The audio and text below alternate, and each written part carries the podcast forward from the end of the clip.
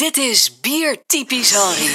naar Antwerpen en Essen van 9 uur 19 zal vertrekken van spoor 19 in plaats van spoor 20. Zelfde perron. Welkom bij een bijzondere en extra lange podcast van Biertypisch Henri. Onderwerp van deze podcast is naar mijn hart. De beeste bieren die wij kennen, die zijn nogal Europees georiënteerd. Dat wil zeggen, ze komen uit dit continent. Maar natuurlijk, in de hele wereld wordt bier gebrouwen. En bijvoorbeeld in Afrika bestaan bieren die al eeuwen gebrouwen worden met lokale granen. Bieren die wij helemaal niet kennen. En daar wil ik wat meer van weten. De eerste stop is misschien een beetje verrassend, want ik ben in Brussel. Ik ga praten met John Brouwer. Dat is de secretaris-generaal van de European Brewers Convention. Hij is weliswaar werkzaam bij een Europese organisatie, maar hij is Zuid-Afrikaan van geboorte. En bovendien weet hij op briljante wijze de naam van dit bier uit te spreken. Want dat is iets als Unkomboti of Unkomboti. In ieder geval heel lastig.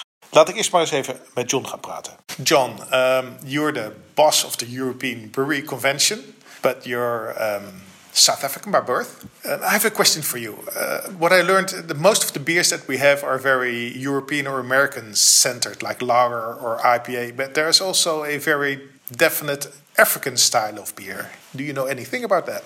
Um, hi, Henri. Uh, nice, nice uh, for you to come to, to Brussels. And uh, yes, indeed, I, I, I was born in South Africa, so I, I know a little bit about, about the beer scene there.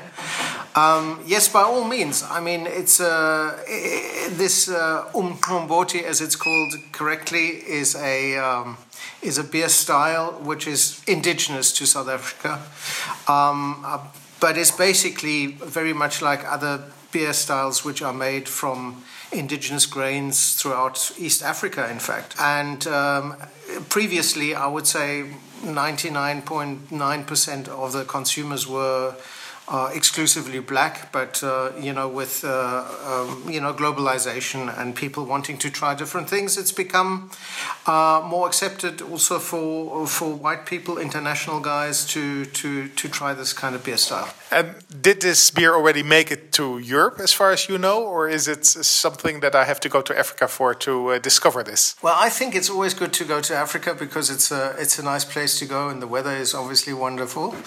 But apart from that, the problem really with Umqombothi is that um, you basically drink it in a state of maturation. So the, the fermentation is barely finished and then you drink it, so it's fresh, fresh, fresh. Which means basically you can't really put it in a bottle and ship it somewhere. So it's always got to be made on site. Although I believe uh, some some of the uh, big brewers making this uh, in big plants, this uh, this traditional beer, also are looking at technological ways to uh, kind of make sure that the containers don't explode.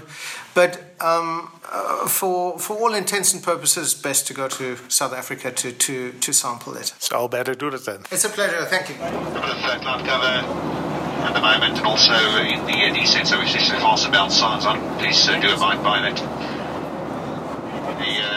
Tanks. Mijn eerste stop in Kaapstad is bij Letu Chabu van Ukamba Beerworks. Hij is zo vriendelijk geweest om kombot te regelen, zodat ik kan proeven waar ik het eigenlijk over heb. En dat is een bijzondere belevenis. Ik zit hier met uh, Letu Chabu. Uh, hij is de brouwer van uh, Okamba uh, Brewery. En um, Letu, uh, before we start, um, the, the traditional beer, can you first tell me how to pronounce it? Because I will say komboti, but that's, it's with a difficult click. So it's, it's pronounced as umkombot. Umkombot. So there's that uh, there's that kick, yeah, which is uh, a bit challenging for many people. yeah, yeah, yeah. Okay, I'll, I'll just call it kombot. if you don't mind, because I don't come to but no, I have to practice. Um, so it's a traditional sorghum beer. Can you of South Africa? Can you tell me a little bit about it? So it's not it's not just uh, a South African beer. It's more like an African beer because uh, I think um, almost from South Africa to Tanzania they make it. Uh, sometimes they, they use different grain, grains uh, like uh, millet, like uh, upogo, which is finger millet, tiny grain that grows more like a like a fingers, like five fingers pointing up. Um, and I, I've heard that in some regions in Cameroon they use sorghum, but also to add sugar to it, they they uh, mix in bananas into it. So because they, they have a lot of bananas. But here we, we use sorghum and uh, maize meal, maize meal. So the basic uh, procedure is like this. At the beginning, you mix the maize meal almost half half half with uh, uh, sorghum malt and uh, in warm water and just leave it overnight to ferment on its own. Then once it starts fermenting, you take that mixture and boil it and mix it with, with boiling water and boil it to make a, a thick porridge. And, then from there, you lay that porridge uh, to, to, to, to cool down. And then once it's totally cool, you take that porridge, mix it with, uh, with the water again, lighten it up so that it's uh, at a drinking uh, texture. Then you mix it up and then you leave it to ferment again. Then now it starts fermenting with just uh, wild it is from the air. You can add yeast sometimes. Some people add yeast if they want it to, to, to be faster, or sometimes in winter. In winter, people use uh, baking yeast. Okay. And but let me try to, to understand. So you first ferment, you make Yes. a porridge, you ferment, and then you cook. Yes. You cool and you ferment again. Yes. So, so the first fermentation is to get this the uh, what you call this the the sourness, because the porridge has to obviously you ferment and then you will kill the yeast when you're making that porridge, but that porridge will come out uh, uh, a bit tart to sourish, and then from there you add water to it and then you ferment it again, and then now you have the final product. Then you now take it through a, a, a filtering process. Then you take off the, the husks from the from the from, from the grain. Ah, okay. So you cook it with uh, with the husk and everything, and only Yes. at the last stage you. Uh, Yeah, you, you cook it with, with all the husks, husks. And so after that ferment, uh, porridge is done, when, when you mix it with water, you, you add more, you add a, a, a little bit more malt.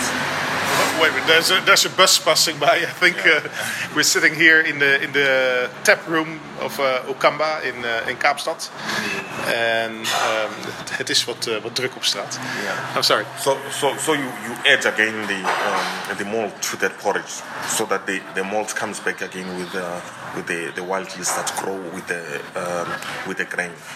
Does that mean that in every place um, they have a different taste because they have different yeast, and every brewer makes a difference as well? Yeah, every every brewer uh, is different, and sometimes uh, also the the pots that you use they, they, they give a bit of difference. And if you've been using the same pots for for, for a certain uh, time, those pots are now carrying that wild yeast, and they that that yeast is now uh, basically more like the dominating yeast, so it it directs the, the, the flavor profile of the of the beer. So, and from brewer to brewer, there are other few things that they do because literally there's no proper measurement process. So everyone does things uh, to their instincts. So yeah, it's always it's always individualistic wherever it comes from. And the beer that comes out, we're sipping it right now. It's uh, very opaque. Yeah. You can still see the grain a little bit. It has a little bit pinkish color as well. I would uh, uh, compare it to uh, to buttermilk, to cardamom. Yeah. Um, there's a nice little tingling of, uh, of um, carbonation in it, but uh, a, a nice tartness as well. A little hint of fruitiness, is Yeah. ripe fruit. Um, how long? How long ago was this brewed? So this one we're drinking right now should be like two days old uh, from finishing. You probably can have this beer for the next three days uh, if it's not refrigerated. So after three days, it will start basically getting a little bit too sour and too acidic for, for drinking. So it has to be drank, drank young, basically. Yeah. And um, uh, how much alcohol would it be having? It's estimated to be around 3.5% alcohol. And then when it's uh, when it's, it's, it's much older than that, maybe it goes to around four to four point, maybe four point five or something like that. By then, I think that's when there, there's too much alcohol for that uh, wild yeast, and then the wild yeast starts giving out uh, a lot of acidity and some some uh, a lot of sourness.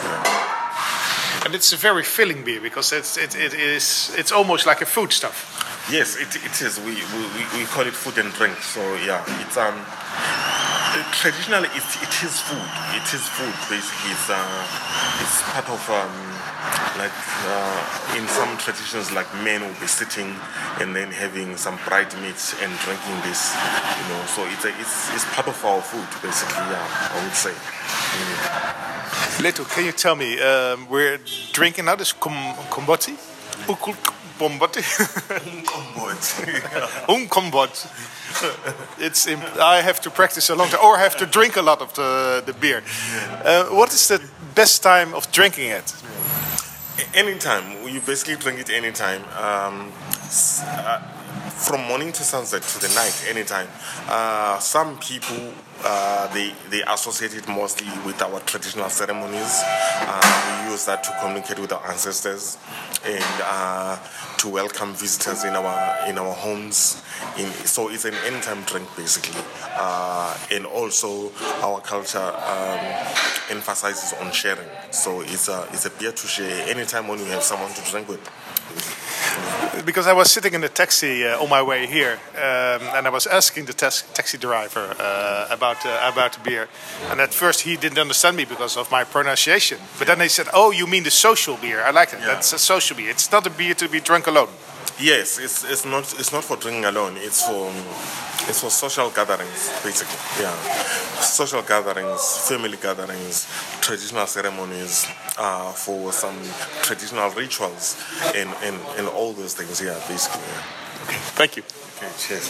Dat is een lekker biertje. Traditioneel wordt een combat alleen door vrouwen gebrouwen. Een van de weinige vrouwelijke brouwsters in Zuid-Afrika die succesvol is, zowel in lager als in traditionele bieren, is Apiwe Nuksani. Ik ga bij haar op bezoek en vraag haar naar haar bezigheden om dit bijzondere traditionele bier relevant te houden. Ook voor naar toekomstige generaties. Ik zit hier met, uh, met Apiwe van uh, Brewster Craft. En Apiwe is uh, een van de meest vooraanstaande brouwsters in, in Afrika, Zuid-Afrika. Die echt probeert de biercultuur hier nieuw leven in te blazen. Uh, Apu, you you told me you're uh, of course you brewed your own oh, komboti, um, but you're also trying to save it from extinction. Yes. Um, so one of the things that uh, I've realized through my journey as a brewer is that the traditional way of brewing the mqombothi is slowly dying out. So um, as we getting urbanized and moving to the urban areas, we we forgetting the tradition way of making it, and our mothers don't have don't have don't have we're not there in the villages for them to pass on the tradition. So one of the projects that I'm working on is actually um, preserving that culture, preserving that uh, tradition, teaching the young ones like myself that it's okay to still drink kombucha and it's okay to still be able to brew it. Uh, I still want to know how it's brewed. It doesn't mean that you are backwards or you are rural or you're not moving on with the times because uh, the sad reality is that if we continue the way we are as uh, African nation in 20 years from now, we won't have any brewers who can make our traditional beer the way our foremothers made it. And so, so you are helping people to show that it's life culture, uh, both, of course, the, the microbes, but also uh, the fact of brewing it. Yes, so the, the actual full on process of brewing, um, that people don't forget how the beer is made uh, and actually also I still enjoy the beer that is not they don't just drink it when there's ceremonies as uh, is current the norm but be able to enjoy it outside of those uh, settings. It would be great to go to a brew pub anywhere in Johannesburg and then just taste kombucha Yes, and similar to the way how you taste a lager or any other beer style, it is also its own beer style that uh, I believe deserves a place within um, the beer styles of, uh, of Africa. Thank you very much. Thank you. Terug naar Leto van Ukhamba, want die weet op een bijzondere manier de Afrikaanse bierstijl te koppelen aan de Europese. Hij maakt een soort van hybride. You told me that you found a more modern way to bring back Uh, Yeah, yeah. So I, I had to modernize, try and modernize Mqombothi, and I took the um, the sorghum, added a bit of uh, the uh, mixed sorghum with uh, malted barley, uh, more of like just pale malt to get more sugar from it, and uh, and basically 40% sorghum, and then I use uh, saison yeast, which gives basically the the same uh, flavor profile with the, the with the white yeast that we use to ferment uh, Mqombothi. So and also I ferment it at very high temperature so that the there's uh, overripe and overripe fruity and tart esters come out more for that beer. So yeah, and we made a beer we, we called Utshwala Sorghum Saison. Yeah. So Utshwala means beer? Utshwala means beer in Xhosa. Yeah, actually in Nguni, because basically it's the same for isiZulu, same for Ndebele, same for Swati. Yeah, so all the all the Nguni languages. Yeah. And do you, is, is, is it getting popular or is it a difficult taste? Because it's, it's, it's a beer basically from two worlds. It's a little bit Yeah. from the European yeast and uh, the African uh, malts and, and, and, and brewing knowledge. Uh, how, how is it received? It, it, it is getting popular actually. Um, I just haven't been having enough uh, uh, reach in terms of marketing and getting uh, liquid on lips on people, but all the people that have tried it, they, they love it. Uh, the most beautiful thing about it, it cuts across cultures. People from Europe love it or because it's something different, and people locally here they love it because it it reminds them of Mkombo, something that they usually drink uh, like in December when they go to their rural homes for uh, traditional ceremonies and stuff like that. Yeah. Fascinerend om te horen hoe zowel Apiwe als Leto bezig zijn om de traditionele Afrikaanse biercultuur ook in de moderne tijd gewoon relevant te houden. Een traditie van eeuwen en dat doorgeven aan nieuwe generaties. De een echt op de traditionele manier, gewoon het maken van kombotti. Andere door er een soort van hybride van te maken, zodat het eigenlijk het beste is van twee werelden. Ik denk dat ik eens vaker terug moet naar Zuid-Afrika, want hier gebeurt veel moois. Gaat het nog een beetje, meneer Reuglin?